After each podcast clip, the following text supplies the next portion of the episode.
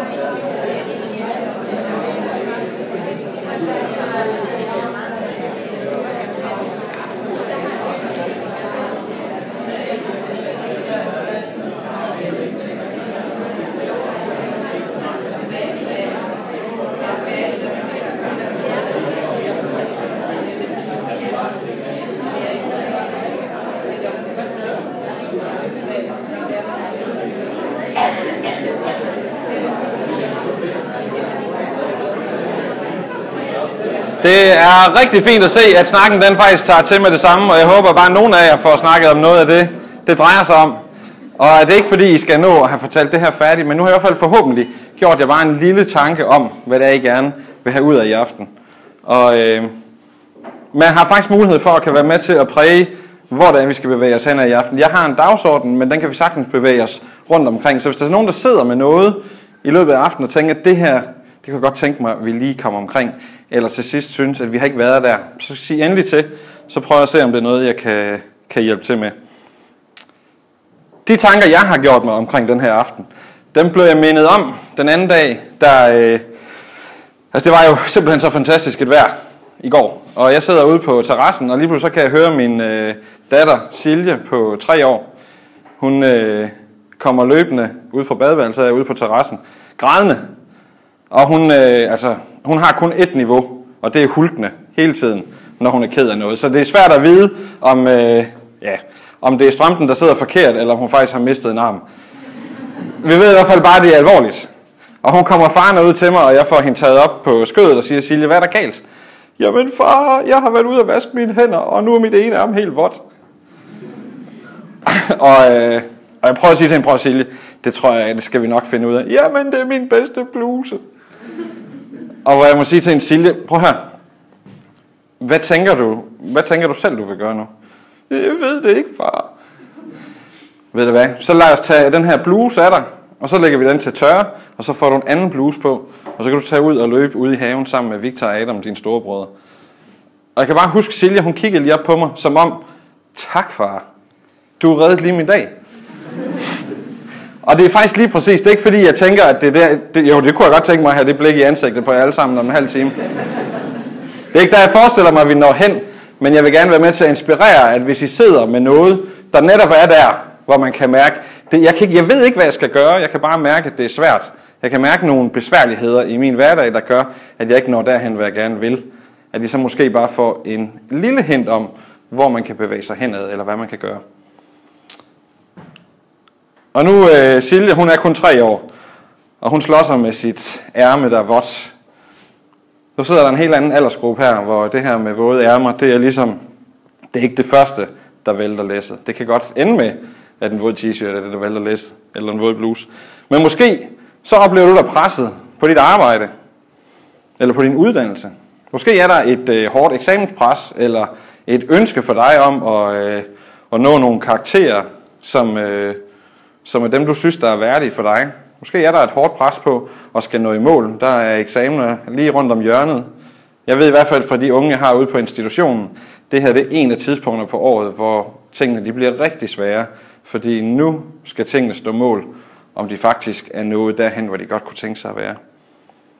Det kan også være, at du er presset på din økonomi. Det kan godt være, at de der drømme, du har gjort dig om, hvordan det der med at skal bo selv, eller have din egen hverdag, og bo i Aarhus, og alle de drømme, der var om, hvordan det var at skulle bo, at de faktisk ikke rigtig står mål med den økonomi, du har.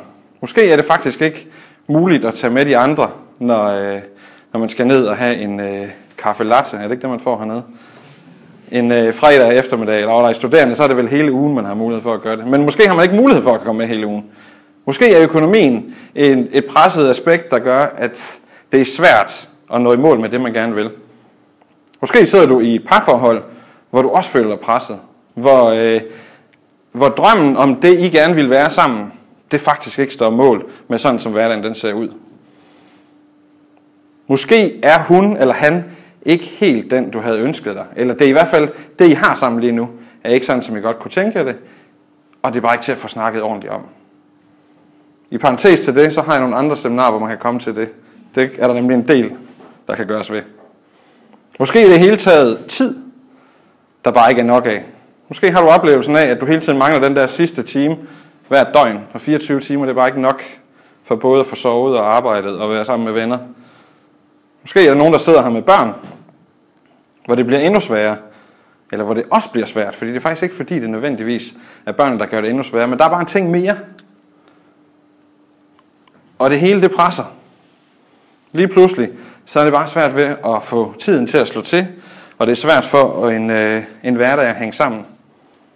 Og noget af det, vi så netop skal kigge på i aften, det er, jamen, hvad er det, hvad er det for nogle ting, der, øh, der gør sig udslag?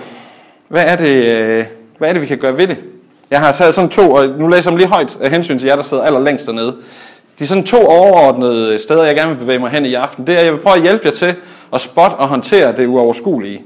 Altså, hvad er det, der er øh, barrieren for, at jeg løber imod en mur, eller jeg ikke kan komme videre?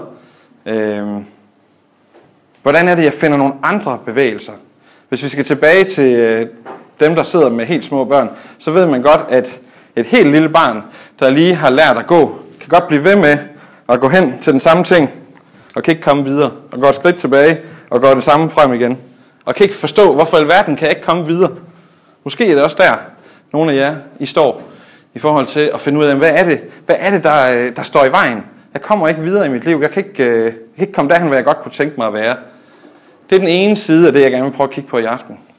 Det andet, det er at, øh, at kigge på, så hvordan er det så, man kan være med til at hjælpe andre, som står og enten er sygemeldt med stress, eller er så presset, at, at det bare er blevet en stresset hverdag. Det er det, der bliver overskriften for, for ens hverdag.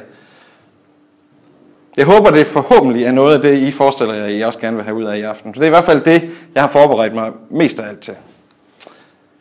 Øhm. Og for at starte et sted, hvor, øh, hvor vi skal have, have kigget på det her med, hvad der er det uoverskuelige, så øh, skal I faktisk starte med lige at sørge for, at I sætter rigtig godt til rette. I kan se, at der er flere, der gør, men sørg lige for at sidde rigtig godt i den stol. Så I skal føle, at I sidder afslappet i den stol, I sidder i lige nu.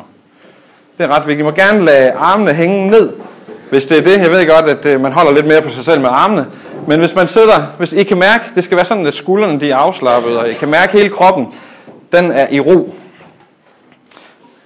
Så vil jeg gerne have, at I alle sammen lukker øjnene. Og når I nu har lukket øjnene, så begynder I lige så langsomt at trække vejret indad. Og I skal blive ved med at trække vejret indad, indtil I overhovedet ikke kan trække mere luft ind i lungerne.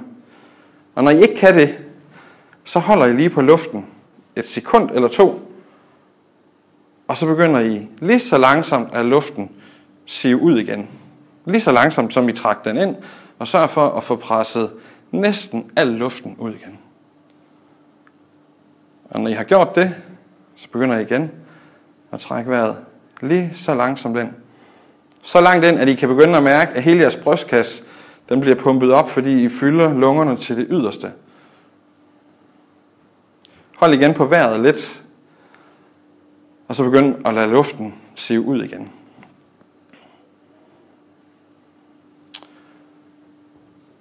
Og helt automatisk så håber jeg, at I begynder at trække vejret igen. En lang, dyb vejrtrækning.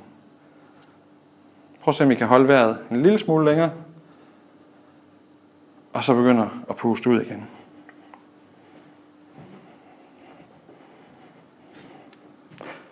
I skal selvfølgelig blive ved med at trække vejret, men jeg vil gerne åbne øjnene igen.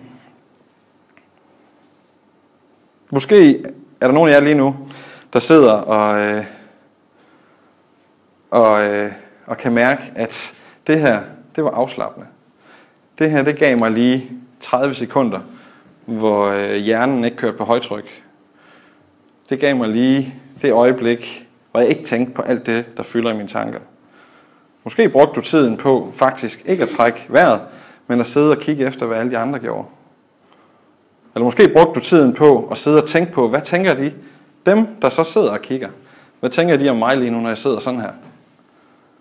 Og måske sidder du også og tænker, det kunne jeg ikke bruge til noget. Jeg trak selvfølgelig vejret, men ellers så fik jeg ikke rigtig noget ud af det. Uanset hvorfor en tanke I sad og var fyldt med, så hold lige fast i den. Fordi det beskriver faktisk noget om, hvordan I står lige nu. Hvordan jeres hverdag den er lige nu. Om den er tempofyldt, om jeres hjerne den kører på et øh, for højt gear. Om, om lige nu, om, der er for, om det er for vigtigt for jer, at omverden, hvordan omverdenen ser på jer, om der ligger et særligt pres der. Eller om I måske er et helt andet sted, så det, der foregår her, eller det, der foregår omkring jer, kan være rigtig svært at være i. Og for nogen vil det også, forhåbentlig for rigtig mange af jer, også bare kunne sidde og nyde, og lige være opmærksom på, at ja, det er rigtigt, jeg trækker jo faktisk vejret hele dagen. Og lige blive mindet om, hvor, øh, hvor livgivende det er. Men, men lige præcis det, det er noget, vi lige kommer tilbage til allersidst. Så husk lige på, hvordan var det lige, jeg havde det, da jeg sad og trak vejret der. Det er også en af de øvelser, som man kan bruge senere, men øh, det kommer vi også tilbage til senere. Og så skal vi lige bevæge os et helt andet sted hen. Fordi når, øh, når der nogle gange er orkaner, det er sgu det her sådan lidt, øh, det er ikke tit, vi har en orkan i Danmark, men jeg vil have et billede fra Danmark. Men vi kan godt lege, at det her det er på vej til en orkan. Skal vi ikke sige det? Det bestemmer i hvert fald. Når et hus det bliver udsat for en orkan, og man ser, at det vælter, eller at huset det slår voldsomme revner eller noget, så er det de færreste, der vil komme og sige, prøv at høre, det hus der, det var bare dårligt lavet. Det kan ikke engang holde til en orkan. Men derimod så man begynde at kigge på, hvad det var, der var årsagen til, at det her hus, det lige pludselig slog revner, eller væltede, eller ikke kunne holde til det, det var.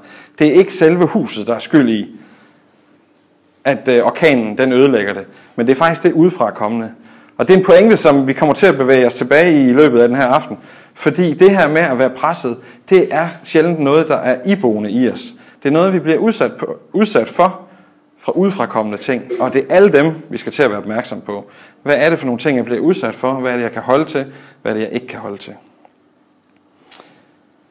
Fordi stress, hvis man skal kigge på den del, det er ikke fordi, man er svag, at man bliver ramt af stress. Og faktisk så, det har glemte jeg faktisk lige at være med til at definere til starten. Oftest, det er, det er sjældent, man er nogen steder, uden at der er nogen, der begynder at snakke om, at de er stresset, eller har stress. Der skal faktisk sjældent særlig meget til. For det bliver ret moderne, og det er, øh, det er faktisk også noget af det, der... Øh, jeg, jeg hørte lige så sent som i går i øh, nyhederne, hvor de sagde, at hver femte dansker står lige nu enten og er stresset eller har stress. Og for DR-nyhederne, så var det ens betydende med at være den samme pulje, om man er stresset eller om man har stress. Men det er faktisk to vidt forskellige ting. Og det er vigtigt at huske på det, med det I selv står i. Fordi når man er stresset, så er man i en position, som min datter Silje, der, øh, der kan mærke, at der er noget, der er helt ubehageligt her, men jeg skal gøre noget. Og det gør hun. Hun ved ikke selv, hvordan hun skal løse det, men hun ved, at hun skal gøre noget. Hun er stresset i det, hun står i. Hvis hun derimod har sat sig ned, lukket døren, og nærmest begyndt at sidde i rockende bevægelser og håbe på, at der kommer nogen og redde hende, så er hun faktisk derovre, hvor hun har stress. For så kan hun ikke længere handle. Hun bliver fuldstændig lammet, og det er det, stress gør. Så derfor er det også vigtigt, apropos det, når vi kommer til senere med, hvad er det, man kan gøre for folk, der så er ramt af stress. Det er ikke fordi, de her mennesker de er svage. Og det er en pointe, som jeg selv har måttet lære på et tidspunkt, det kommer jeg også tilbage til lidt senere. Men stress, det er simpelthen fordi, der er noget, der forstyrrer udefra. Der er simpelthen, du er udsat for et pres, eller den person er udsat for et pres, så forsvandt højtaleren vist. Gør den ikke det?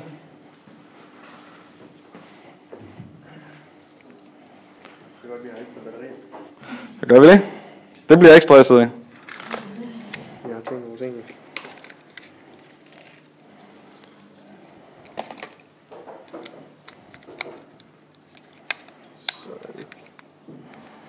Yep.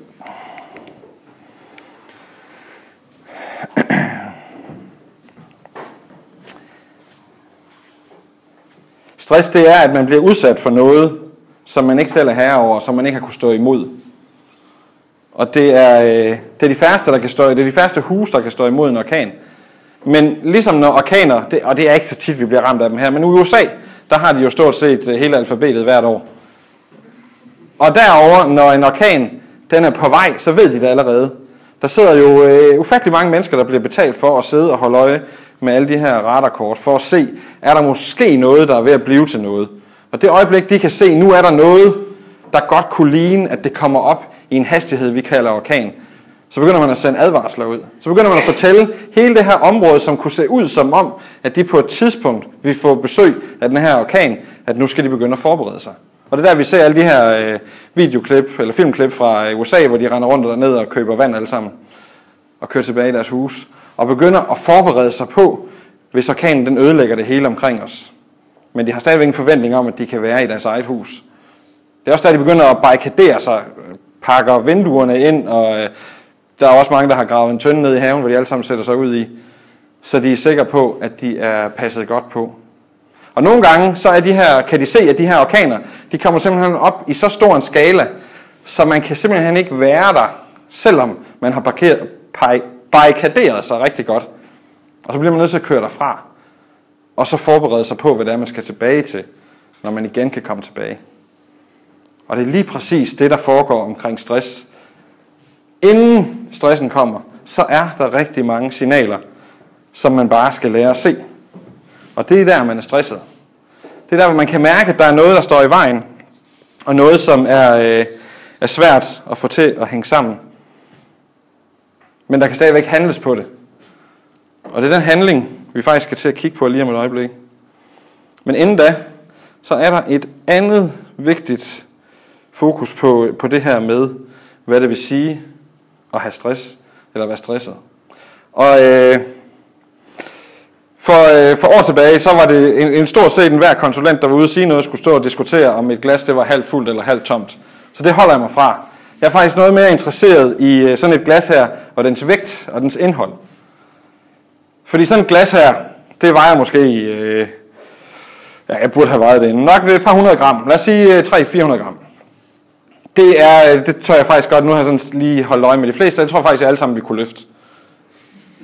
Og øh, jeg tør også godt sige, at I kan sidde i hvert fald halvt til et helt minut og holde det ud i strakt arm. Uden problemer. Tror jeg. Men så tror jeg faktisk også, at der er nogen, der begynder at blive lidt presset. Der er i hvert fald nogen, der bliver presset, hvis jeg siger, at I skal faktisk stå med det her glas i 10 minutter herude. Og så ved jeg godt, at der sidder nogen derude, som tænker, den kan jeg godt tage. Og øh, det har vi ikke tid til, men 20 minutter, så tror jeg, det bliver endnu sværere, eller måske en halv time. Vi kan i hvert fald godt komme ud på et tidspunkt, hvor lige meget hvad, så kan man ikke længere bære 300-400 gram. Og det er jo ikke noget i sig selv. Men hvis man bliver ved længe nok, og holder fast i, at man vil det her, altså så begynder på et tidspunkt, så begynder øh, blodtilførselen at forsvinde. Der er sikkert nogen, der er noget sygeplejerske eller læge her, der kan sige meget mere om det. Men sådan lige hurtigt overordnet. Så er noget med, at blodet det ikke kommer så meget derud længere. Det begynder at være svært. Man kan mærke, at hånden den, eller armen den begynder at blive kold. Den begynder også at sidre. På et tidspunkt så begynder den at sove, så man kan faktisk ikke mærke den længere. Man kan faktisk tabe glasset, uden at mærke, at man har sluppet det. Og det jeg har ikke en lægesord for det her, men det passer bare ind i min historie. Hvis man bliver ved længe nok, så bliver armen sort og falder af. Jeg ved ikke helt, om det er rigtigt, men skal ikke bare sige, at det er sådan. Det passer i hvert fald ind i min pointe. Og det er bare lige en lille smule. Og det, det er rigtig meget det, det drejer sig om i forhold til at være stresset i hverdagen. Det er ikke særlig meget, der skal til, for at man til sidst kan komme til at stå derude. Men et vedvarende pres, det gør, at man knækker.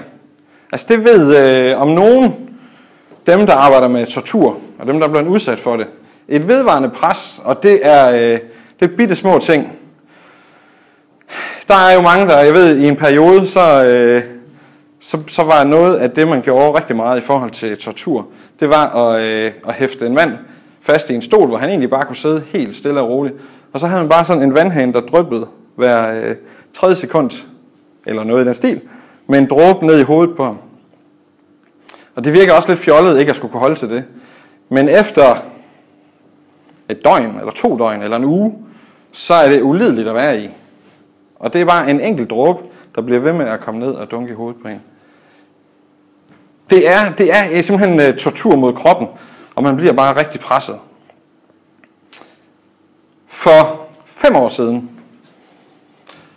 og det er faktisk nærmest lige før, at det er årsdagen for de fem år, der øh, var jeg ude at køre en tur på den her døgnestation, jeg arbejder på. Og øh, jeg har været ude og aflevere, den ligger ude i øh, Hadsten her mellem øh, Aarhus og Randers. Og der var nogle af de her unge, jeg lige skulle køre en tur op til en skole, jeg skulle gå på. Og jeg satte dem af derop, og da jeg kører hjem derop fra, øh, det er en tur på 15 km, så kan jeg lige så langsomt begynde at mærke, at jeg kan faktisk ikke mærke min ene arm. Den, øh, den ligger bare sådan i vindueskarmen. Det summer sådan i den, men nå ja. Og da jeg så har kørt lidt længere, så kan jeg, jeg kan faktisk ikke se noget på det ene øje. Det bliver også sådan helt, øh, tænker, så skal jeg i hvert fald til at køre stærkt, for jeg skal, snart, jeg skal se at komme af motorvejen. Så. Øhm, og jeg kan også mærke, at min tunge bliver også sådan helt... Jeg sad alene, så jeg skulle ikke snakke med nogen. Så det var nok også okay. Det kunne jeg også godt være i. Og da jeg sådan får kørt... Jeg kører øh, 10-15 km på motorvejen her, og får drejet af motorvejen på vej mod Hasten, Og der er sådan lige sådan en lille... Øh, hvad hedder sådan en... Jeg kan have en mere med plads, hvor man kan stille sin bil. Og der kan, jeg kan huske, at jeg drejede derind, og bare skyndte mig at slukke bilen, og så sad jeg bare og tænkte, hvad sker der med min krop? Altså... Øh, og jeg havde fra den der øh, parkering, jeg havde lavet, der havde en kilometer ud til institution, og jeg kan huske, jeg kunne simpelthen ikke overskue at køre den der kilometer ud til institutionen. Jeg havde ikke noget, jeg skulle nå, jeg havde ikke nogen med, jeg skulle bare aflevere den derude. Og så begyndte jeg også at få en voldsom, voldsom kvalme. Og så tænkte jeg, ah, så skynder jeg mig ligesom, så kører jeg hjem på institutionen, så kan jeg kaste op i toilettet derhjemme.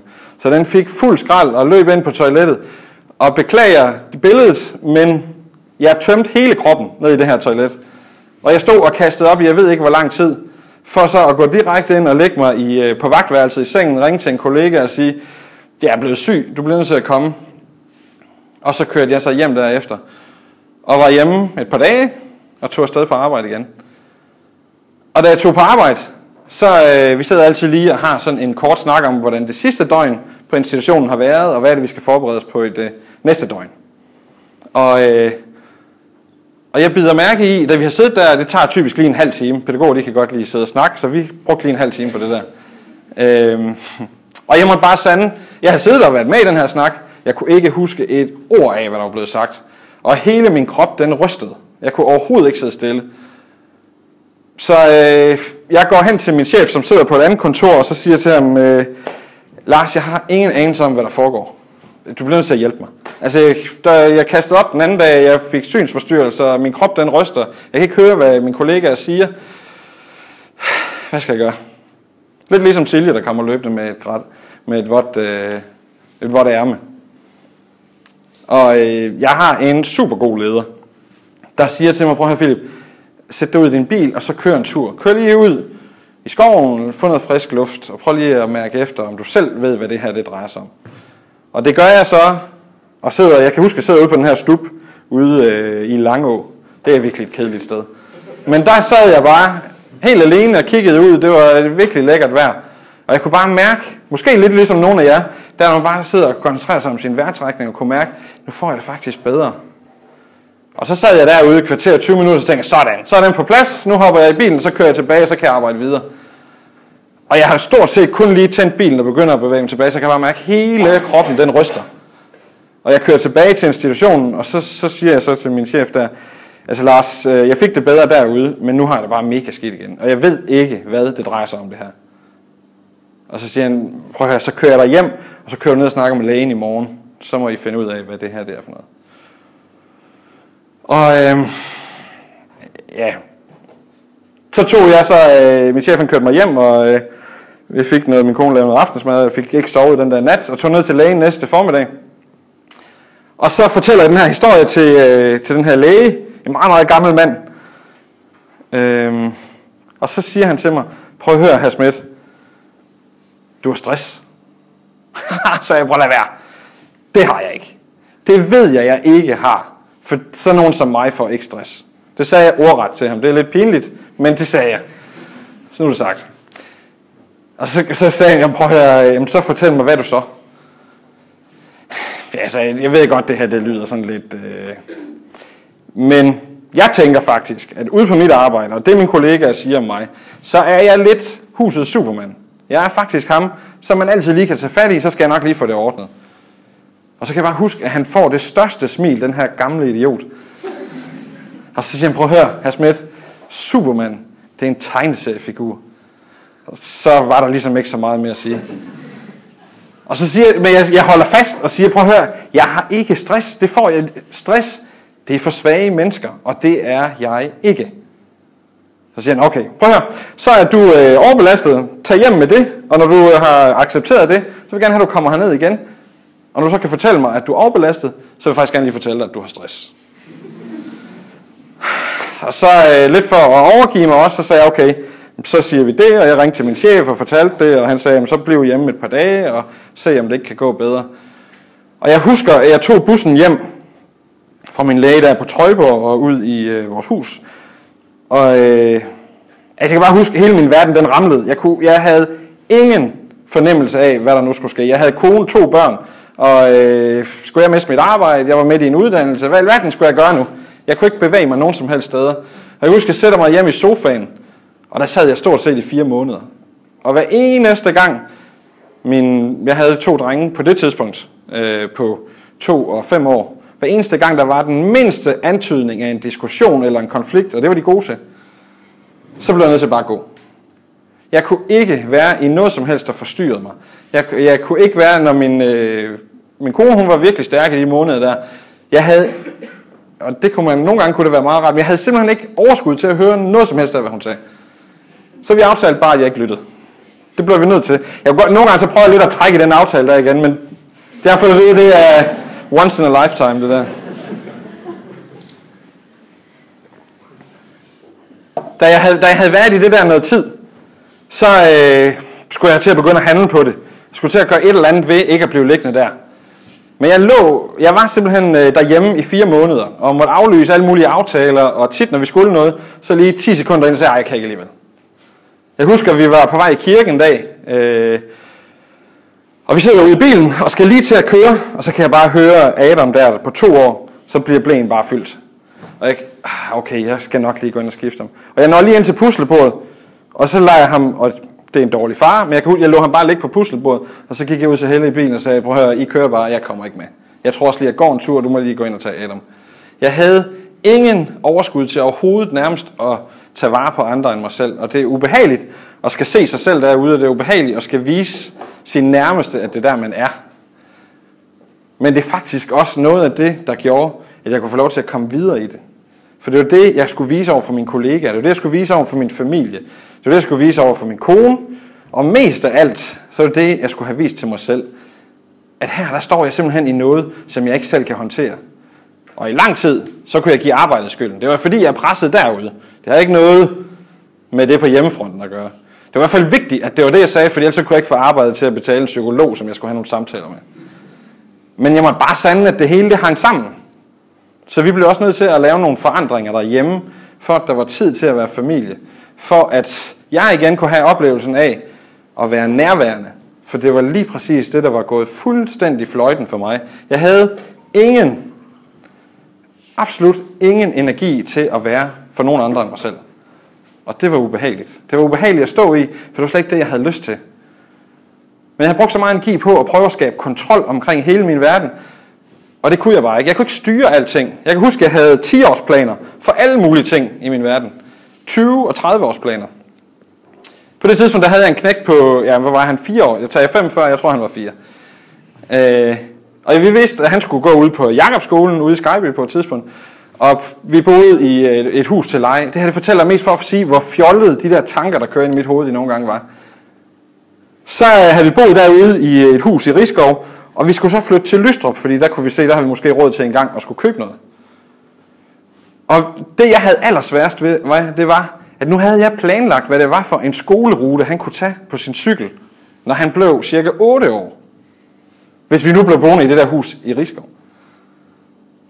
Og hvis vi skulle helt ud til Lystrup, jamen hvad, så, var det, så var det længere, og der var en motorvej, og ah, det kunne jeg overhovedet ikke overskue. Og hver gang vi lavede nogle øh, forandringer, så forstyrrede det de der, øh, og det var ikke bare 10 års planer, det var 30, 40, 50 års planer. Det kan jeg stadigvæk godt lide at lave, men nu prøver jeg lige at have lidt ro på dem en gang imellem. Og jeg lader være med at fortælle min kone dem alle sammen, for hun hader at høre om det. For de stort set jeg om hver 14. dag. Men da jeg havde været i det her i fire måneder, og bare måtte stå og øh, se, at mit liv, det er bare ikke det, jeg godt kunne tænke mig, det skal være. Jeg er i hvert fald ikke den, jeg godt kunne tænke mig at være. Så kunne jeg faktisk begynde lige så langsomt at komme tilbage i mit arbejde. Jeg begyndte at være lidt mere social med, øh, med mine venner og med familien, og jeg kunne faktisk begynde igen at sidde og nyde og være sammen med mine børn en gang imellem. Men det gik stadigvæk næsten et halvt år mere, før jeg faktisk vil sige, at jeg var ved at bevæge mig hen til det, jeg sidenhen kalder Philip 2.0. Hvor jeg faktisk synes, at jeg havde fået en læring med mig, der gjorde, at nu hopper jeg ikke bare til, tilbage i det samme problem, som jeg stod inden. Og grunden til, at jeg fortæller den her historie, det er fordi, at hvor ville jeg have ønsket, at jeg havde hørt noget lignende det der inden. Stress, det er heldigvis noget, som der bliver kigget meget mere på i dag, og er blevet, det er stadigvæk tabubelagt mange steder, øh, særligt når man er den første i en omgangskreds, der bliver ramt af det. Og på mange arbejdspladser, apropos noget af det første, er der også ofte en frygt. Det var noget af det første, der meldte mig, sig hos mig, det var, hvis jeg er sygemeldt med stress nu, så bliver jeg fyret om 14 dage. Så gider det ikke beholde mig. Men sådan var det slet ikke. De ville faktisk gerne have mig til at lande på benene igen og have mig tilbage igen. For de var også mennesker, der gerne ville være sammen med mennesker. Det var min historie om, hvordan jeg måtte bevæge mig igennem hele det her med at have stress, og overhovedet ikke registrere de der tusind signaler, der var inde, men bare fortsætte på en motorvej, fordi jeg havde nogle mål, jeg gerne ville nå mig. Nu vil jeg så gerne prøve at hjælpe jer til at være opmærksom på, hvad er det for nogle signaler? Hvad er det, hvad er det vi kan bruge af værktøj for at forberede os på, når det her det begynder at, øh, at poppe op? Og der er sådan en, øh, det skal altid laves i raketter og pile og ting og sager. Det var det, der lige var flottest på øh, PowerPoint. Øh, den her, øh, og jeg kunne ikke finde ud af noget flot med akronymer, der kunne passe til et eller andet. Så nu hedder det bare det her. Og det er faktisk mig, der har fundet på det her.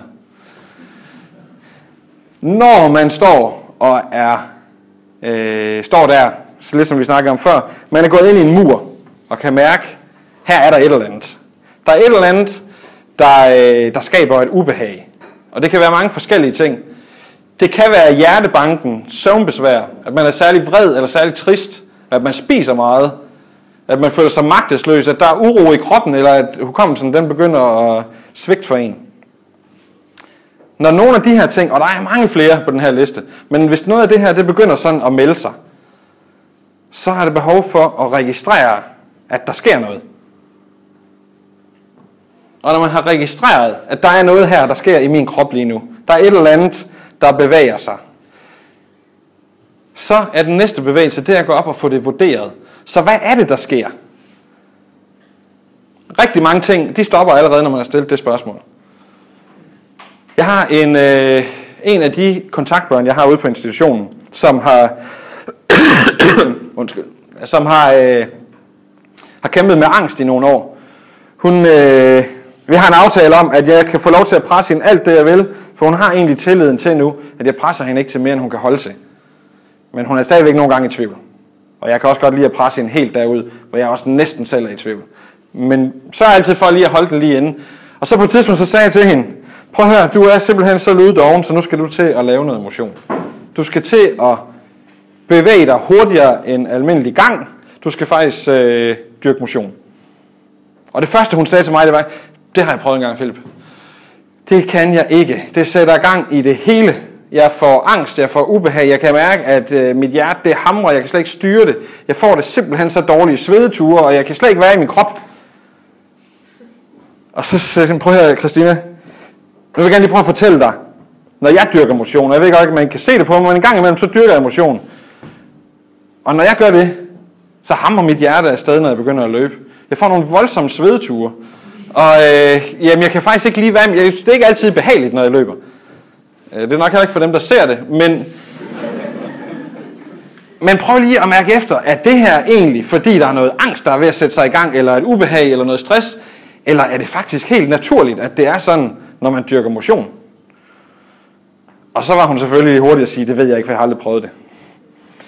Og så er jeg jo så havnet på løbebåndet ved siden af hende nu, så nu løber vi sammen, og øh, så kan jeg så fortælle hende, hvordan jeg har det, og hun kan så sige, hvordan hun har det. Og i og med, at vi har det lige sådan, og jeg har ikke angst, så må det åbenbart ikke være angst, det hun har lige nu. Det er sådan, hun kan bevæge sig videre i det. Men den vurdering, hun gør der, det gør, at hun så kan netop kan sige, okay, så har jeg ikke brug for at gøre yderligere. Nu ved jeg, hvad det er. Nu er det ligesom registreret hos mig videre. Nu er det ligesom bare noteret. Jeg har det i min hukommelse. Men der er også de gange, hvor sådan en registrering af for eksempel, hvis jeg nu, nu er, grunden til, at jeg tager fat i de unge ude på min institution, det er mest fordi, i forhold til de klienter, jeg har, så vil jeg gerne lade dem have lov til at være alene. Og ungerne derude, de er villige til at have været med på hvad som helst, hvis de bliver, bare de ikke bliver nævnt med navn, men de kan godt lide at høre, når jeg kommer derud, at jeg har nævnt dem. Så derfor bruger jeg dem. Vi har en anden en ude hos os, som kan mærke, at han får sådan nogle voldsomme vredesudbrud. Lige pludselig. Hele hans krop, den ryster. Han vender næsten det hvide ud af øjnene og bliver sådan helt sort. Og øh, han er så stor, så jeg ved, at jeg skal i hvert fald stå i afstand, så jeg lige kan flytte mig, hvis han er ikke så hurtig. Så når den der arm, den bevæger sig, det går også ondt, selvom det går langsomt, har jeg hørt. Så, så er der noget i gang. Og de der ting, der bevæger sig, ham, hvor jeg så netop kan sige til ham, prøv at høre, det jeg ser, der sker lige nu, det er, at du bliver rigtig vred. Jeg kan se, at hele din krop, den ryster. Og du er tydeligvis ikke interesseret i, at vi to vi skal snakke sammen. Er du presset lige nu? Så plejer der, hvis han kan sige noget, så plejer det at være sådan noget, Nå virkelig, kan du se, jeg er presset? Hvad tror du, der sker, Philip? Og øh, nogle gange så prøver jeg at være særligt provokerende og sige, jamen, øh, er det ikke sådan, der du altid er? Og andre gange, så prøver vi sådan ligesom at gå lidt ind i, okay, så hvad er det, der egentlig sker? Altså, jeg skal jo også have med et adrenalin op en gang imellem, når jeg er på arbejde. Det kommer helt automatisk der, når øh, vi gør det på den måde. Men hvis vi så særligt kigger på, hvad er det, der sker der? Så kan han for eksempel fortælle, jamen ved du hvad, Philip? I dag, da jeg var i skole, så kunne jeg bare mærke, at jeg var ikke ordentligt forberedt til timerne i dag. Jeg sad og var fraværende i det, der foregik. Da jeg kom hjem igen, så var jeg bagefter med skolen og med lektierne, og jeg hader skolen, men jeg vil bare rigtig gerne have det gjort færdigt. Vi snakker om en dreng, der er 19 år her. Jeg vil bare rigtig gerne nå i mål med de her ting, men jeg kan ikke. Og der er ikke nogen, der ser mig, og der er ikke nogen, der hjælper mig. Så bliver jeg bare vred. Det, det ved jeg, det gjorde min far, og det gør jeg også. Det er ligesom til at forholde sig til. Og det er en følelse, jeg kender, så det er dejligt behageligt for mig i hvert fald.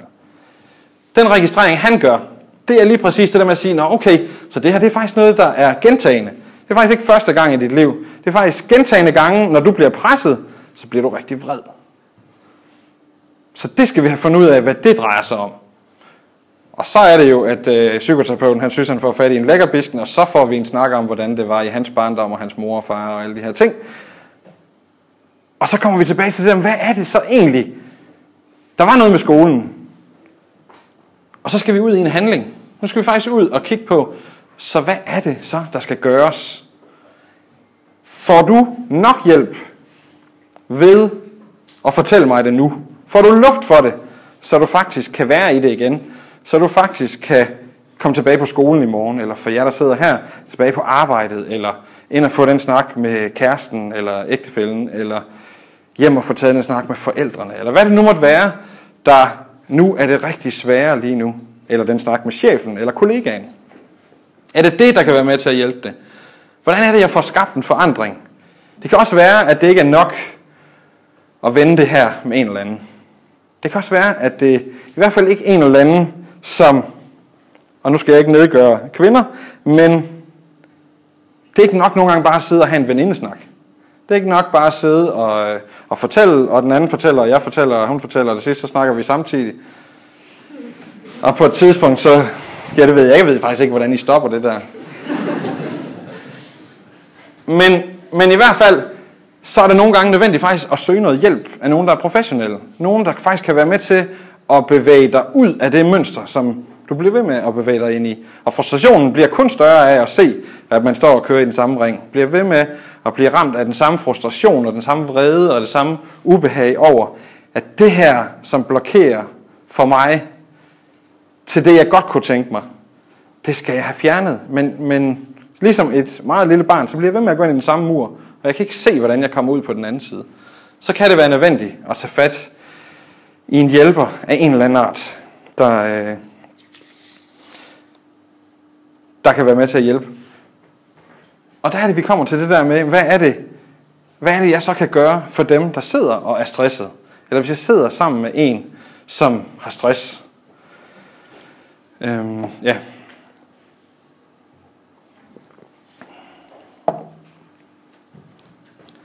Mest af alt, så drejer det sig om at lytte. Og der bliver vi mænd særligt presset. Og lyt uden at komme med nogen som helst løsninger. Det er, altså, det er virkelig svært. Og jeg øver stadigvæk på det derhjemme, også bare når jeg sidder og snakker med min kone. Jeg har jo bare løsningerne. Altså, prøv at høre. Så spørg dig bare, så skal jeg nok lige fortælle, hvordan vi gør det, og så kan vi komme videre. Øhm. Men hvis du sidder sammen med en øh, ven eller veninde, som er ramt, som ikke kan komme videre i det, som han eller hun står med, så brug tiden på at lytte. Bare lyt. Sørg for, at de fortæller alt det, det nu handler om. Og giver god tid. Og, og, og det er en super god øvelse. Altså det, øh, for dem, der ikke har kærester, så er det et rigtig godt score Også fordi, hvis du kan lade være med at tænke på alt muligt, du gerne vil sige, men bare lyt, så har du faktisk allerede planlagt de første to-tre dates. Der går lang tid før. Og det kan, nu taler jeg kun på mænds vegne selvfølgelig. Og vis en oprigtig interesse. Sørg for, at når du lytter, at du faktisk også stiller nogle spørgsmål. Vis, at du hører det, der bliver sagt. Stil et spørgsmål ind i det, der bliver sagt, så du får yderligere uddybet, hvad det var. Eller faktisk nogle gange, og jeg ved godt, det bliver sådan lidt den terapeutiske form, men faktisk lidt gentager det, der bliver sagt. For lige at sige, prøv at høre, jeg har faktisk hørt det, du siger. Jeg skal bare lige være helt sikker på, at det er det samme, du siger, som jeg hører. Det er den fedeste oplevelse, når man sidder og fortæller noget, og have oplevelsen af, at den, der sidder på den anden side, faktisk bare er oprigtigt interesseret i at høre alt det, der foregår. For det er nemlig også der, man som, øh, som den, der er ramt, får en større tryghed i at fortælle noget mere. Måske faktisk også tør at fortælle, at man tror, man er en supermand. Eller at man faktisk har billedet af, at dem, der står med det her, de er typisk svage, og det kan jeg ikke identificere mig med. Så vis og udtryk forståelse. Netop det her med at, øh, at vise, at du har en forståelse af, hvad der foregår. Jeg hørte engang Philip Schmidt nede i bykirken. Han sagde simpelthen så mange gode ting, og jeg kan høre, det er det, der foregår hos dig lige nu. Og I kan jo finde nogle visitkort derude bagefter, som I kan stikke til de der venner også. Og så prøv at spørge den her ven eller ægtefælle, hvad han eller hun egentlig ønsker sig. Og læg nu mærke til, der står stadigvæk ikke noget om, at I skal komme med en løsning. Spørg ind til, så hvad er det, du godt kunne tænke dig at bevæge dig i retningen af? Hvad er det for nogle håb og drømme, du har for at nå ud på den anden side, når du kommer forbi den her barriere? Bliv ved med at være nysgerrig og give plads til, at de kan fortælle. Og det er, det er svært. Det er svært at blive ved med at være interesseret, fordi man kan også godt sidde og blive ramt af sådan en, så tager dig sammen. Det er jo bare lige men det er det ikke, når man står på den anden side og er fanget af et, øh, øh, af et tankemøller. Nu fortalte jeg den her historie om mig selv før. Det gik ikke værre bedre, end at øh, tre år efter, så blev min chef sygemeldt med stress. Det var fantastisk. Nu havde jeg simpelthen muligheden for, for det første at kunne gøre gengæld. På den gode måde. Så der var jo lige pludselig gået op for mig, hvad var det, jeg havde savnet, da jeg var sygemeldt? Mest af alt det, jeg havde savnet, det var, at mine venner de bare var kommet til mig. Mange de tænkte, okay, Philip han har brug for ro, så nu lader vi ham være. Så da han, øh, jeg tror dagen efter, han, var, øh, han skrev ud til os alle sammen, jeg er sygemeldt de næste uger, jeg har simpelthen alt for meget at se til. Øh, jeg har brug for at lukke det hele ned. Og det første jeg gjorde, det var at ringe til ham og sige, prøv at høre Lars, jeg kommer i morgen klokken 9 med rundstykker, så vil jeg gerne lige ud og sige hej til dig. Og, øh, og jeg kan huske, jeg kan huske, at jeg tænkte, øh, det her det kan nærmest være en fyreårsag. Altså jeg hører overhovedet ikke efter, hvad min chef siger. Jeg gør lige, hvad der passer mig. Og jeg kan huske, at jeg tænkte, jeg lyttede jo virkelig meget efter, hvad han, hvordan hans øh, ordlyd den var. Og jeg tænkte sådan lidt, ah, han, virker, han virker ikke begejstret over, at jeg kommer derud. Jeg var lidt spændt, da jeg kørte derud i bilen. Men jeg fik simpelthen den største krammer af min chef, da jeg kom derud. Og hvor han siger til mig, nu er simpelthen så mange, der har øh, sendt en sms, og de håber, jeg får det bedre og sådan noget. Men der er ikke nogen, der gør mere. Hvor var det rart, du bare kom, og ikke spurgte, om du skulle komme, og du øh, kom ikke med ønsker om, hvordan du synes, det skulle være. Men du sagde bare, nu kommer jeg. Og øh, du tog rundstykkerne med, jeg skulle ikke gøre noget som helst. Og det kunne jeg jo så også se på huset, han har i hvert fald ikke gjort noget som helst. Men det var en fornøjelse bare lige at sidde derude, og vi sad bare lige en time, for så havde han heller ikke overskud til mere. Men det der med netop at sige, prøv at høre, nu skal jeg nok tage ansvaret for, at du kan være i det her, og jeg skal nok sørge for at gå, når, øh, når du ikke har mere tid tilbage. Og for ham gik der ikke. Han var åbenbart lidt... Øh, han, var, han, var, han havde fanget de her signaler meget tidligere, end jeg havde. Så der gik kun en måned eller to, så var han nærmest tilbage på, på fuld fart igen. Og når du så kommer til den her, du har løsningen lige på tungen, så inden du kommer med løsningen, så spørger du lige en gang til, kunne du godt tænke dig, at jeg kom med en idé på noget, du måske kunne have lyst til at gøre? Og det skal altså være forholdsvis tydeligt ja, før I overhovedet kommer med det. Ellers så skriv ned på et stykke papir, og så kan I aflevere dem til lidt senere og sige, det var jo lige præcis det, jeg tænkte, du skulle gøre dengang. Kan du se, nu gjorde du det. Du kunne lige så godt have spurgt mig fra starten af. Så kan du ligesom gemme den der. Men lad være med at bruge den der, hvis du ikke får at vide, at det er det, du skal. Fordi det ødelægger egentlig bare det, der foregår. Øh, inden for, øh, for terapien, så snakker man meget om, at det er vigtigt, at klienten får oplevelsen af en agenthed.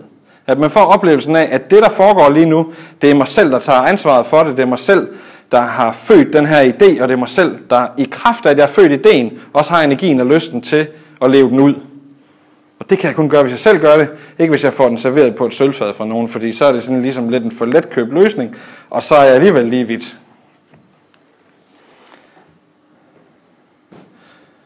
Øh, jo, jeg havde lavet en mere. Og hvad har jeg skrevet der? Spørg til sidst, om det var den, største, om det var den støtte, hun eller han ønsker. Det er faktisk en, for det giver lige dig en fornemmelse af, så har jeg gjort det rigtige? Har jeg egentlig været her på den måde, som du havde brug for? Og så netop sige, ved du, jeg kommer igen om nogle dage, så prøver vi lige igen. Så vil jeg gerne gøre det, som du egentlig har lyst til. Og for folk, der er, særligt hvis vi snakker om, at man er ude og har stress, altså så, øh, så kan det her, det kan gennemspille sig rigtig mange gange. Altså jeg har nogle venner, der har hørt præcis de samme historier igen og igen og igen i de der måneder, for jeg har bare brug for at fortælle det igen og igen og igen.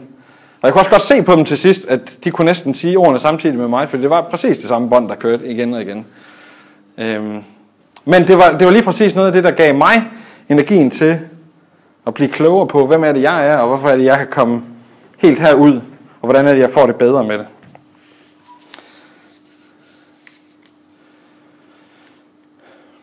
Nu er det faktisk der, hvor øh, jeg skal til at passe på med at bruge mere tid.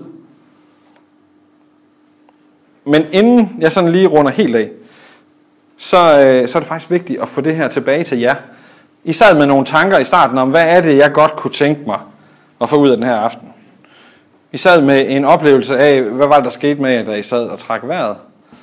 Og øh, I blev præsenteret for en bevægelse, der kan være med til at flytte jer væk fra noget, der presser jer i jeres hverdag, og I også blevet præsenteret for noget, der kan være med til at hjælpe jer, øh, I kan hjælpe jeres venner videre til, øh, til noget af det, de står i. Og nu er det, I får muligheden for lige at kan sidde og snakke sammen lidt igen. Og brug endelig bare lige et øjeblik til lige selv at sidde og overveje, inden I siger noget. Hvor er det I henne nu? Hvad er det, I har fået ud af at sidde her i aften? Hvad er I blevet mindet om? Er det noget, I får lyst til at gøre? Eller er der noget, I får lyst til, at der er nogen, der skal gøre for jer? Det får I lige lidt tid til nu her lige at, øh, at tænke lidt over. Og jeg skal nok lige sige, når der er gået et halvt minuts tid, så må I gerne begynde at lige snakke lidt med hinanden om det.